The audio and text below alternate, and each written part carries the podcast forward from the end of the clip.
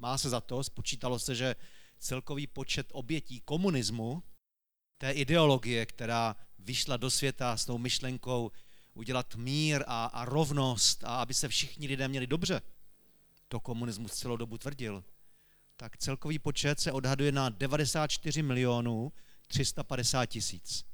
Lidí muselo zaplatit svým životem proto, aby jsme se měli dobře a stejně jsme se neměli dobře. To nejsou malá čísla. Pro srovnání Německo má necelých 83 milionů, takže kdybyste vyhladili celé Německo a, a celou Českou republiku, jo, tak ještě to není tolik, kolik lidí zemřelo následky komunismu. A musím říct, stále umírá, protože v některých zemích komunismus stále ještě je. Dnes si tedy připomínáme ty, kteří se o to zasloužili. A já bych chtěl říct takovou věc, jo, že český komunismus ve srovnání s mnoha jinými zeměmi nebyl tak silný. A často se v literatuře setkáme s názorem, že to, co lidi drželo, aby eh, pro komunismus pracovali, žili, dýchali a hlasovali, tak alespoň od té druhé poloviny, od toho 68. roku, byl strach. Víte, to je často opakovaný názor. Lidé se báli. Soused, souseda hlídal. Člověk se bál, že nedostane to správné zaměstnání, povolání, když prostě nepodepíše patřičné listiny. Když jste chtěli mít dobré zaměstnání, vstoupili jste do strany. Jo, prostě, jak se říkalo, takové to české úsloví, držet hubu a krok. Jo, ještě to někdy v nás e, stále je.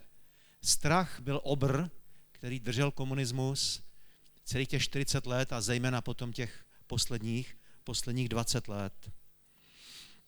Strach drží nejenom národy, ale strach drží i jednotlivce. Strach je starý nepřítel. O tom vědí své politici a manipulátoři všeho druhu. Že jo, politici nejprve člověka vystraší a, a pak řeknou, když mě zvolíte, já vás zachráním před islámem, před chudobou, před prostě dalšími věcmi. Jo, to politici dobře vědí. Strach, žel, a teď už se dostávám ke svému kázání, ovládá často i křesťany. A já chci říct jednu důležitou věc. Strach eh, ovládá křesťany a bráním v tom, ne ani tak, aby jsme žili šťastným životem, ale proto, nebo musíme strach porazit z jednou rů proto, aby jsme mohli v životě dělat správné věci. Jo, aby jsme měli svobodu, aby jsme nebyli ovládáni strachem a mohli jsme dělat to, co se Bohu líbí, mohli jsme mu sloužit, mohli jsme se rozvíjet, mohli jsme zjistovat evangelium. A to je velice důležitá věc, kterou chci znovu zdůraznit. Jo? Někteří lidé si myslí, když se nebudu bát, když porazím strach, budu šťastnější, bude se mi lépe dařit. Jo, ale to je jeden z paradoxů strachu. Strach umožňuje lidem, aby byli šťastní, aby byli spokojeni. Jo, strach vždycky lidem nabízel, jo, když se tady malinko pokloníš, když tady něco podepíšeš, když tady budeš sticha, jo, tak ti zajistíme jídlo, zajistíme ti přiměřenou svobodu, jo, zajistíme ti slušný život, ale běda ti, jak budeš vyčnívat z davu, běda ti, jak budeš příliš nahlas říkat svoje názory. Jo, to znamená, když mluvíme o strachu, nemluvíme o spokojeném životě, ale mluvíme o životě, jaký se Bohu líbí a mluvíme o tom, abychom měli svobodu dělat věci, které od nás Pán Bůh žádá. Jo, jestli chcete být šťastní, nemusíte nutně porazit strach. Ale jestli chcete sloužit Bohu, jestli chcete změnit svět, sebe nebo své okolí, pak na strach narazíme. Strach je obr, se kterým se musíme vypořádat. Ale pojďme teďka do Božího slova, já přečtu ten hlavní text, ze kterého budeme vycházet a ten nalezneme v Matoušovi ve 25. kapitole. To je to podobenství, které je známé jako podobenství o hřivnách, nebo v některých jiných překladech podobenství o talentech a já ho celé přečtu. 25.14. Bude tomu, jako když člověk, který se chystal na cestu, zavolal své služebníky a svěřil jim svůj majetek. Jednomu dal pět hřiven, druhému dvě, třetímu jednu, každému podle jeho schopností a odcestoval. Ten, který přijal pět hřiven, i hned se s nimi dal do podnikání a vyzískal jiných pět. Tak i ten, který měl dvě, získal jiné dvě. Ten, který přijal jednu, šel, vykopal jámu a ukryl peníze svého pána. Po dlouhé době se pán těch služebníků vrátil a začal účtovat. Přistoupil ten, který přijal pět hřiven, přinesl jiných pět a řekl, pane, svěřil si mi pět hřiven, hle, jiných pět jsem jimi získal. Jeho pán mu odpověděl, správně, služebníku, dobrý a věrný, nad bálem si byl věrný, ustanovím tě nad mnohým. Vejdi a raduj se u svého pána. Přistoupil ten se dvěma hřivnami a řekl, pane, svěřil si mi dvě hřivny, hle, jiné dvě jsem získal. Jeho pán mu odpověděl, správně, služebníku, dobrý a věrný. Nad málem si byl, byl věrný, ustanovím tě nad mnohým. Vejdi a raduj se u svého pána. A přistoupil i ten, který přijal jednu hřivnu a řekl, pane, poznal jsem tě, že jsi tvrdý člověk, sklízíš, kde jsi nesel a sbíráš, kde jsi nerosypal. Bál jsem se a proto jsem šel a ukryl tvou hřivnu v zemi. Hle, zde máš, co ti patří. Jeho pán mu odpověděl, služebníku špatný a líný, věděl si, že žnu, kde jsem nezasel a sbírám, kde jsem nerosypal. Měl si tedy dát mé peníze peněžníkům, abych přišel a to, co mi patří, si vybral i s úrokem. Vezměte mu tu hřivnu a dejte tomu, který má deset hřiven.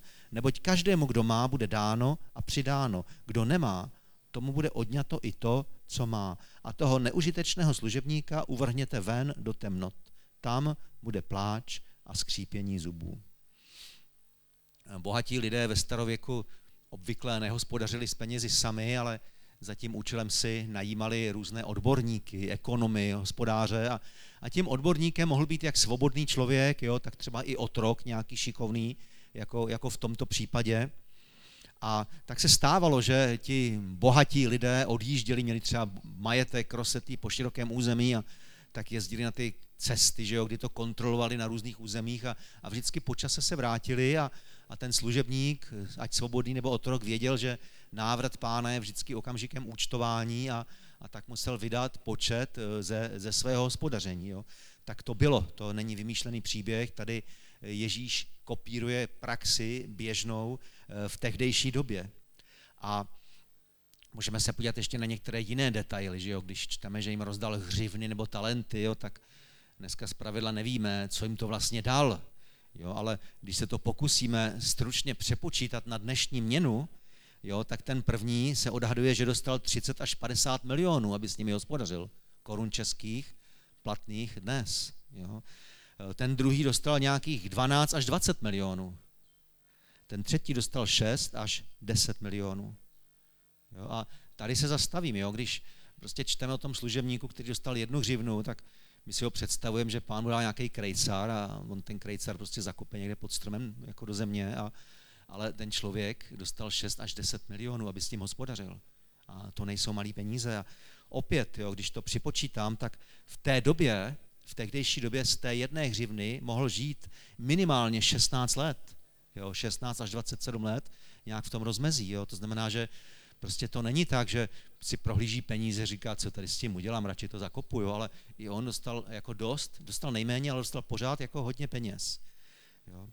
Ty způsoby investování byly různé a při, přinášely prostě různý zisk. Jo. A, a tím nejmenším, tím, tím nejméně výnosným způsobem jak se ty peníze dali eh, nějak zhodnotit, tak bylo dát je směnárníkům, jo, jak říká ten pán tomu línému služebníkovi nakonec, říká, proč se nedal alespoň směnárníkům, jo, a podle tehdejších kurzů, jo, tak na tém, na, kdyby to dal směnárníkům, tak vydělá minimálně 20%. Byly případy, že prostě se půjčovalo třeba i na 50% nebo dokonce i na 100% úrok, jo, ale, ale 20% to byl, to byl minimální úrok nebo běžný úrok v té době, jaký existoval. Jo. A vidíme, že ti dva prostě to zdvojnásobili a tady ten nepřinesl ani těch minimálních 20%, proto byl odsouzen. Jo. Tolik jako historické pozadí k tomu podobenství. A když se podíváme na to, jak, jak to křesťané eh, vykládali, jo, tak ty výklady ve směs jsou Eh, všechny stejné. Jo? To není nějak podobenství, které by nám motalo hlavu a ty výklady jsou jednoduché. Jo? Ten křesťanský výklad spočívá v tom, že pán Bůh dává lidem eh, různé dary, jo, nebo hřivny, že jo, a ty hřivny jsou buď dary duchovní, nebo nějaké přirozené schopnosti, které máme, nebo, nebo příležitosti, které máme. Jo, prostě všechno, co dobré, čím v životě disponujeme, tak máme, aby jsme konali nějaké dobro. Jo? Někdo může mít třeba dar evangelizace, jo? je schopný oslovit druhé lidi a říct jim o Ježíši a tak jako tady se to snadno počítá, že jo? jeho efektivita hovoří o nějakých číslech, přivedl si k pánu Ježíši Kristu za svůj život třeba deset lidí, jo? tak to je jako nějaký výsledek tady to. Jo? Reinhard Bonke, jeden z nejvýznamnějších evangelistů prostě této doby, tak prostě v Africe eh, přivádí k Ježíši miliony lidí. Jo? Ale kdyby ten týž Bonke měl třeba kázat v České republice, tak ta čísla by byla úplně jiná. Jo? To znamená, že tam hraje roli nejenom ten dár, ale také i příležitost, ta situace a, a řada dalších věcí. Jo? Někdo může mít dar povzbuzování a tady už se to hůř počítá, ale pán Bůh jednou vyčíslí a vyjádří, jak, jak jsme se svým darem, se svými schopnostmi nebo se svými příležitostmi v životě naložili. Příležitosti, to je třeba, když potkáte člověka, který je v nějak v nouzi, momentální, akutní a potřebuje pomoct. Jo? Ať už prostě nemá na jídlo, jo? nebo potřebuje odvést do nemocnice, nebo potřebuje půjčit něco, nebo prostě cokoliv. Jo? A, a teď vy jste třeba v tu situaci jediní, kteří, kteří pro toho člověka můžete něco udělat. Nemyslím teďka žebráky v centru Prahy, jo?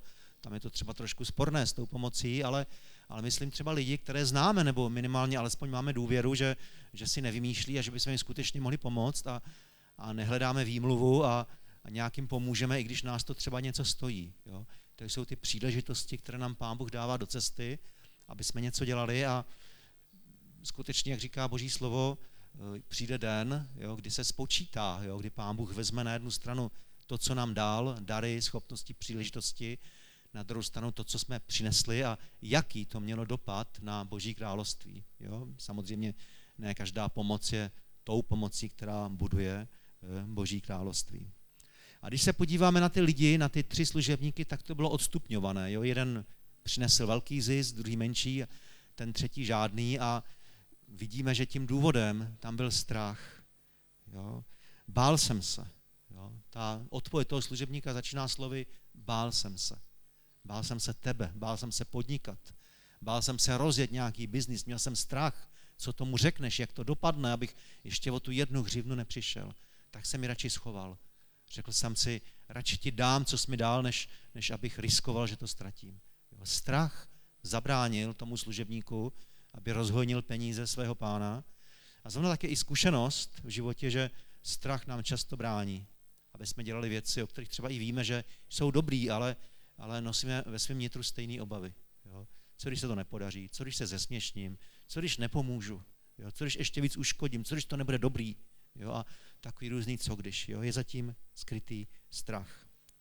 Ale podívejme se na strach jako na závažný duchovní problém. Jo? To není jenom problém pro nějakého psychologa, který nám poradí, ale strach současně je také i závažný duchovní problém a kdybychom procházeli eh, celou Bibli, jo, já pak vám ukážu, že Bible je dějinami strachu, jo, v jistém slova smyslu. Jo. Třeba zjevení Janovo 21.7. Kdo zvítězí, dostane toto jako dědictví. A teď tam autor popisuje různé krásné věci, kteří dostanou vítězové. A pak je tady napsáno, eh, avšak bázliví, nevěřící, modláři, vrahové, smilníci, kouzelníci, modloslužebníci a tak dále, mají svůj díl v ohnivém jezeře.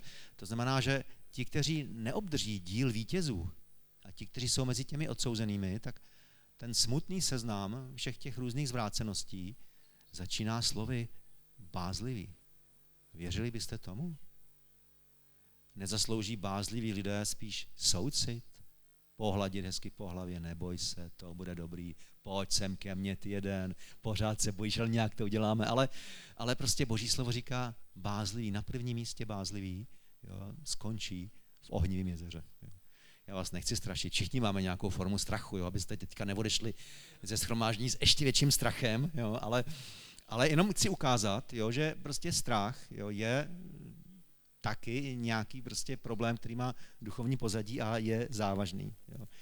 Je tedy život bez strachu ideálem, který se tady snažím eh, nějak lásat a, a prosadit?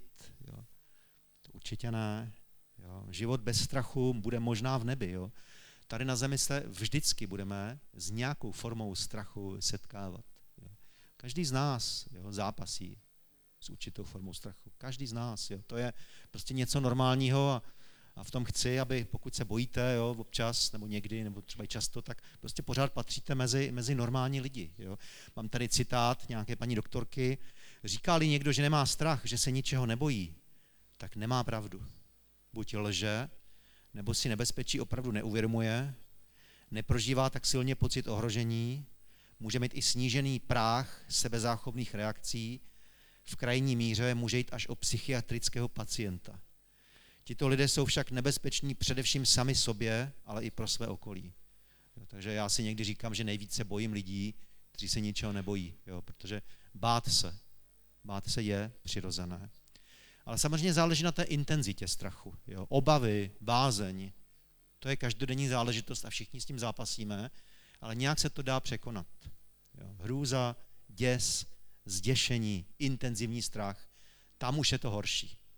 Jo, tam už můžeme hovořit o tom, že máme třeba v životě nějaký problém a je potřeba se nad tím zamyslet, jestli v nějakých situacích jako propadáme strachům a někdy se také mluví o fobích, jo, chorobný strach. Lidé mají fobie jo, ze všeho možného a fobie to je dneska moderní slovo. Jo. Dneska se hovoří o tom, že, bylo, že je prokázáno asi 500 různých fobií a kdybyste si na Wikipedii našli ten seznam těch fobií, jo, tak prostě to jsou někdy absurdní fobie, to se ani nechce věřit, z čeho lidé všeho mají strach. Jo. A některé jsou známé, že jo, všichni lidé slyšeli o klaustrofobii a xenofobii a, a sociofobii a prostě těch, těch je spousta. Hanka Zagorová v jedné populární písničce zpívá Já nemám strach ze šedých vlasů, nepočítám, kolik mi zbývá času, nehledám si vrázky okolo očí, nějak bylo, nějak je a tím to končí. Hezká písnička. Ona v podstatě vyznává, že netrpí agerexí, jo? neboli to je fobie ze stárnutí. Jo? Takže i takové fobie jsou, že prostě lidé se bojí stárnout a mají panickou hruzu z toho, když objeví šedivý vlast nebo vrázku a Hanka Zagorová na tím zvítězila. Puste si tu písničku. Jo?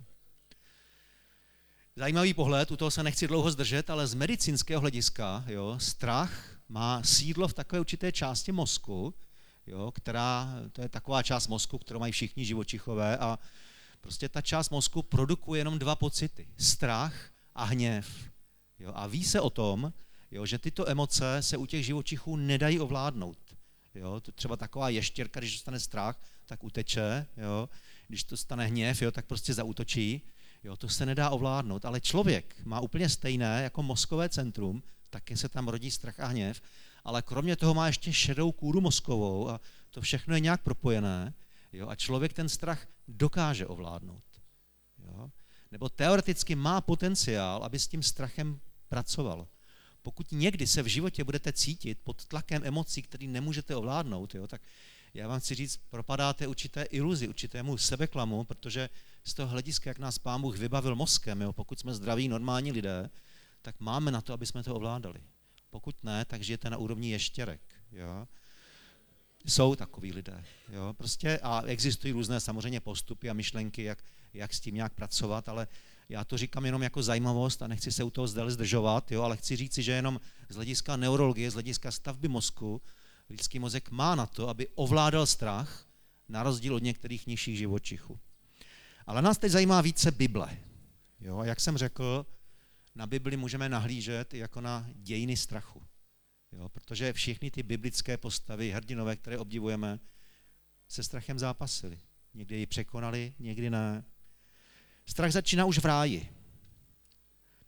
Hospodin Bůh zavolal na člověka a zeptal se ho, kde jsi? On odpověděl, slyšel jsem tvůj hlas v zahradě a bál jsem se. A protože jsem nahý, tak jsem se schoval. To je první zmínka o strachu.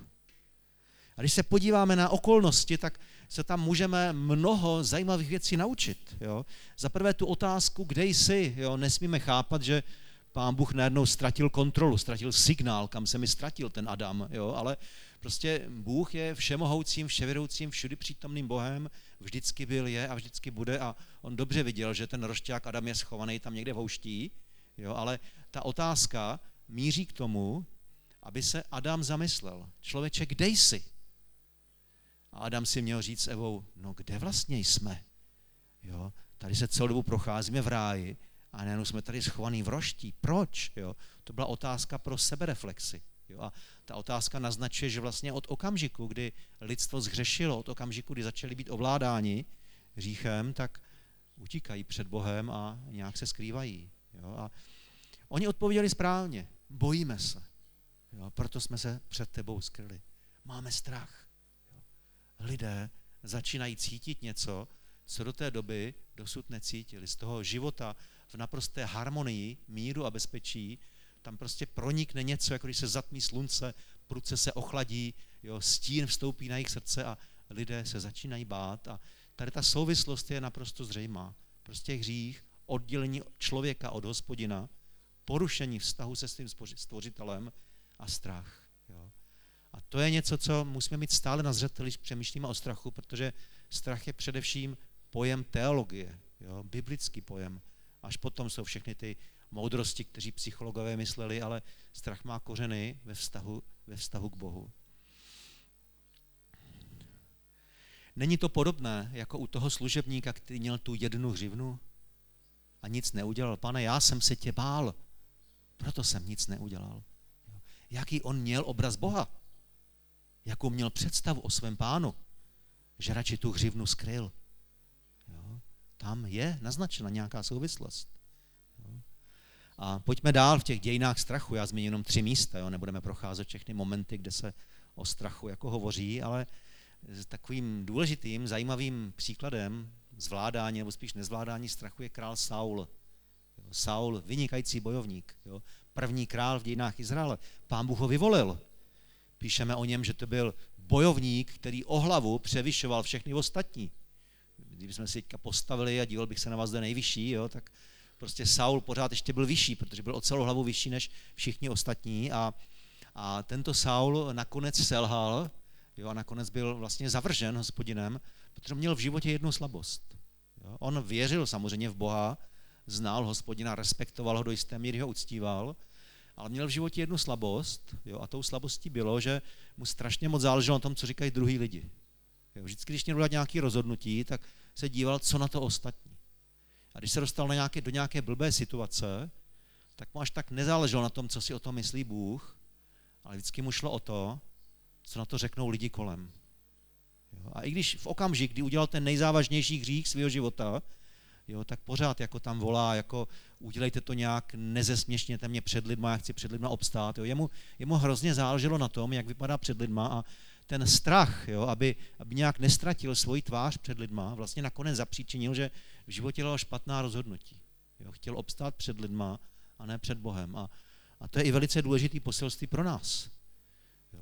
Pro nikoho z nás není příjemný, že jo, když třeba lidi se na nás dívají nějak ukosem, nebo se nám smějí, nebo prostě nějak vypadáme hloupě v očích ostatních, jo, to, to je přirozené. Jo, a je těžké dělat věci, které lidé kolem nás třeba odsuzují.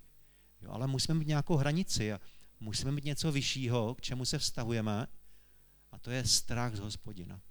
Jo. Zalíbit se druhým lidem je pro nás přirozené, ale když víme, jo, že zalíbit se lidem je v nějakém rozporu s tím zalíbit se Bohu, tak mějme vždycky takový vztah k Bohu, abychom dokázali říct ne, jako bázeň, úcta, respekt před hospodinem je pro mě důležitější a radši teď budu vypadat směšně, hloupě, zlé, možná fanaticky, nevím jak, jo, ale chci se zalíbit Bohu. A v tomto právě Saul eh, selhal. A je to takové hezké poučení. Kdo se bojí Boha, v tom smyslu zdravém, respekt, vázeň, ne, ne nějaký prostě strach, že se klepeme, ale kdo se bojí Boha, respektuje ho, tak se nemusí bát lidí. A na druhou stranu, kdo tuto zdravou bázeň před Bohem nemá, tak bude odkázán k tomu, aby, aby měl obavu a strach před lidma. No, tak to je, to je, myslím, velice důležité poselství. A poslední takovou zmínku, kterou uvedu tady v tom přehledu stručném, jo, tak to je to, jak strach může souviset s charakterem. A tam se zase něco naučíme. A přečtu přísloví 26.13. Lenoch říká, lev je na cestě, lev je v ulicích. To je celý. Takový krátký přísloví, v Bibli ho máme dvakrát, jo, v příslově dvakrát, jo, a Lenoch říká, v ulicích je lev, jo. Jaký strach tady prezentuje ten člověk? Jaký problém prezentuje ten člověk, jo? Co je jeho problémem? Jeho problémem je strach. Jo, to je člověk, který je paralizován strachem. Jo. Lenoch říká, v ulicích je lev. Jo. To znamená, že ten člověk nevíde z baráku, obrazně řečeno, jo, ona ta starověká prostě e, moudrost, poezie, vyjadřování je trošku vzdálený v dnešní době, ale, ale prostě to co, to, co ten člověk chce říct, je, že to, to je typ lidí, který všude vidí nebezpečí.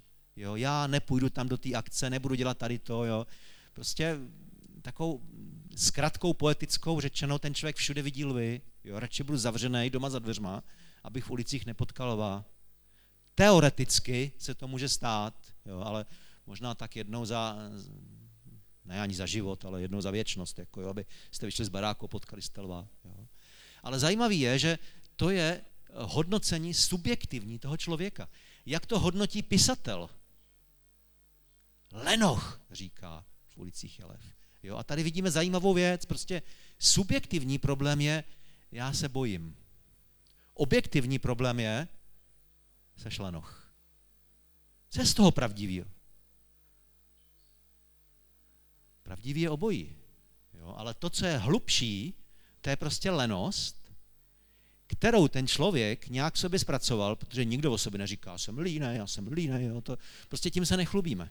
Jo? Spíš je lepší říct, já vyhodnocuji rizika a raději bych tam nešel. Jo? Jo? Ale prostě člověk, ten pronikavý pohled do hlouby srdce řekne, jaký pak rizika se šlíne až na půdu. Jo? Takže prostě to, co chci říct, je, že prostě jsou tady určité charakterové vady a slabosti, v tomto případě lenost, jo? kterou někdy vydáváme za strach. Neříkám, že je to tak vždycky, ale může to tak být než někdy o sobě budete říkat, já se bojím, já to radši dělat nebudu. Kdo ví, jak by to dopadlo a něco bych ještě pokazilo, tak zkuste se nad sebou zamyslet. Jestli je to opravdu strach, ano, prostě se vám jenom nechce. Jo? To je poselství tady to božího slova. Co zatím je? Nechce se mi, jsem líný. Jo? A vydávám to za strach. To je to, co nás to přísloví chce naučit. To znamená, když tady ty myšlenky posavní stručně schrnu, tak strach má svůj původ v oddělení člověka od Boha a můžeme ho překonávat tak, že znovu poznáváme boží charakter. Poznáváme, že Pán Bůh je milující, že jeho přítomnosti je láska, bezpečí, jistota. Poznat to, co Adam s Evou ztratili, tak hledejme to. Přibližujeme se zpátky k Bohu a, a nějak ten strach se bude rozpouštět. To druhé je, že každý z nás celý život, pokud budeme tady na zemi, budeme s určitou intenzitou strachu vždycky zápasit. Jo? Jak Bible, tak i neurověda dokazují, že strach se dá ovládat. Jo? To, že strach máme, to není to konečné. Dá se s ním pracovat. A, a tím nástrojem právě je, že prostě my, křesťané, hledáme cestu k Bohu a když víme, že někdo větší, silnější, mocnější je s námi, tak ten strach se zmenšuje. A to třetí, co si z toho odneseme, že strach může být jenom zástěrkou daleko horších problémů. A když budeme řešit strach u sebe nebo u druhých, pozor, jestli zatím třeba není jenom ta lenost nebo jednoduše prostě neochota, mě se nechce. Jo. No a v posledním bodu tedy, jak nad strachem zvítězit. Dejme tomu nějaký pozitivní závěr. Jo. Uvedu několik situací, kdy lidé v Biblii zvítězili nebo vítězili nad strachem a uvidíme, že to je možné a uvidíme, že všechny ty případy, a já zmíním jenom některé, protože těch je celá řada, všechny mají společného jmenovatele. A chci, aby to bylo jednoduché. Chci vám ukázat, že ve všech těch případech, kdy lidé vítězili nad strachem, tak tam hrál roli duch svatý. Jo. Uvidíme, pojďme do toho. Jo. Tím prvním příběhem to jsou zvědové, které Mojžíš vyslal do zaslíbené země, když putovali po té poušti, že jo, jak vyšli z Egypta jo, a putovali a došli k hranicím zaslíbené země a tam se zastavil a, a Možíš říká, vyberte teďka z každého kmene jednoho zvěda, bylo 12 kmenů, tak to bylo 12 vědů a teď těm zvědům rozdělil úkoly, ty půjdeš tam, ty půjdeš tam, ty půjdeš tam, prostě celé to obejdete a, a po určité době se sejdeme a chci po vás několik věcí, abyste zjistili, jak lidi tam žijí, jo, jak jejich města jsou opevněná nebo ne, neopevněná a taky hlavně, co tam roste přineste nějaký jabka, hrušky, švestky, něco, co tam prostě najdete. Jo, a tak oni vyrazili a po nějaké době se vrátili jo, a setkali se všichni u Mojžíše jo, a, a řekli mu, Mojžíši, máme pro tebe dvě zprávy. Jednu dobrou a jednu horší. Kterou chceš slyšet dřív? Jo, a tak nejdřív teda řekli tu dobrou. Jo, podívej se, jo, co tam roste. Jo? Dva chlapy takhle na takový kládě nesli obrovský hrozen vína. Jo? Říkali, ty pověsti jako o té zemi nelhaly, skvělá země. Jo? Úžasný ovoce tam je, potoky vod, stromy, no prostě jedna báseň, skvělý. No a ta špatná zpráva je, my jsme tam potkali obry, jo? syny Anákovi. Naprosto nemáme šanci, aby jsme tu zemi obsadili. Jo? Těch zvědů bylo 12, deset, tady to říkalo, deset se shodlo, prostě nemáme šanci tam jít. Krásná země, jo, ale ovládají synové Anákovi a to jsou obři. Jo. Jestli Saul všechny převyšoval o hlavu, jo, tak Anákovci ještě o dvě hlavy převyšovali Saula. Jo, tak, tak nějak to tenkrát vypadalo. Jo. Pouze dva z nich, jo, Jozue a Kálev, pouze tady ti dva prostě eh, měli jiný názor, jo, ale těch deset je ukřičelo a těch deset zmanipulovalo celý národ a všichni tam křičeli a a plakali a prostě bylo to ten den hrozný a, a křičeli, chceme zpátky do Egypta a proč jsme vůbec tady, jo, aby jsme zahynuli a, a prostě taková tragédie. Jo. Jozue a Kálev věřili, že do té země můžou vejít, ale nic nezmohli. A zajímavé je, když se podíváme, čím ti dva, ten Jozue a Kálev, čím se odlišovali, tak numery 14.24. To je řeč jenom o Kálefovi, ale platí to i o Jozuem jen svého služebníka Káleba, protože byl jiného ducha, ale celé se mi odal, uvedu do země, do níž vstoupil a jeho potomstvo ji obsadí. Bible říká, že Kálev byl jiného ducha. Byl odaný Bohu a byl jiného ducha. Jozue to samé. Jo, to byli lidé, kteří už v mládí se rozhodli spolehat na hospodina, ne na sebe. V mládí v sebe nějak rozvíjeli vztah k Bohu a bázeň před Bohem. Jo, a to konstatování autora je, v nich byl jiný duch. Jo? To byli duchem jiní lidé. Jo? Dneska strach se řeší prostě psychologicky a medicínsky a tabletky vám dávají různý a podobně, jo? ale prostě ten biblický pohled je, je to, je to duchovní záležitost. Ten člověk byl jiného ducha a je to něco, co se rodí ve vztahu s Bohem. Druhý příběh, ve zkratce Goliáš, jo? David a Goliáš. Jo? Střed Davida a Goliáše a opět má král David, tehdy ještě mladý chlapec, 17 let mu bylo nebo tak nějak, jo, tak má konflikt s obrem. Měl jediný pokus k tomu, aby prakem a kamenem zasáhl obra na jediné nechráněné místo v jeho helmě, tady mezi očima. Jo, poměrně malá šance, že jo. Přibližuje se k tomu obrovi, obr proti němu, jo, má sebou ještě nějakého prostě zbrojnoše, ten obr, jo, a David má prák, jo, a měl sice pět kamenů, ale pravděpodobně by to nestihl. To znamená, že má jednu možnost, aby toho obra zabil, dost jako dramatická situace a, a on to udělá a Goliáše prostě zabije. To je známý příběh. Jo. To znají i nevěřící lidé a, a Verich o tom zpívá tu písničku, jo, David a Goliáš. To je, to je známé. Jo. A abychom tomu rozuměli, tak bychom se měli v Bibli z té 17. kapitoly 1. Samuelovi zase vrátit o kapitolu dřív a tam se popisuje, že David byl naplněn duchem svatým. Jo, přišel k němu prorok, pomazal olejem, spočil na něm duch svatý a bezprostředně ta nejbližší událost, jo, ke které potom dochází, je, že je volán do bitvy, setkává se s obrem a poráží ho. David byl šikovný kluk, jo, on když se staral o ovce, tak dokázal si poradit s vlkem, medvědem, jo, dokonce i selvem, jo, ale tady to byla jiná liga. Jo, porazit Goliáše, jo, prištejského bojovníka, k tomu dochází poté, co přijímá Božího ducha, je pomazán duchem svatým. To znamená opět duch nitro člověka, duch Boží hraje svoji roli. A to třetí, co zmíním, čtyři příklady mám, ne tři. to třetí, co zmíním, to je pán Ježíš. Jo? Pán Ježíš se setkává na poušti s obrem, s ďáblem. My ten příběh Ježíšova pokušení také známe, že jo? Víme, že prostě Ježíš čelí trojímu pokušení a ďábel mu vždycky něco řekne a pán Ježíš cituje boží slovo a, a zase se to opakuje, zase ďábel něco řekne a zase pán Ježíš cituje boží slovo a, třikrát to je a ďábel potom odchází, ale ta bezprostřední událost, která tomu předchází, je, že Ježíš, že na něj se stoupí duch svatý. Když se všechen lid dával křtít a když byl pokřtěn i Ježíš a modlil se, otevřelo se nebe a duch svatý se stoupil na něj v tělesné podobě jako hlubice a z nebe se ozval hlas, ty jsi můj milovaný syn, tebe jsem vyvolil. Co se stalo bezprostředně potom? Duch vede Ježíše na poušť jo, a tam se setkává s obrem, s ďáblem. Používá Boží slovo, ale je zmocněn a pomazán Duchem Svatým.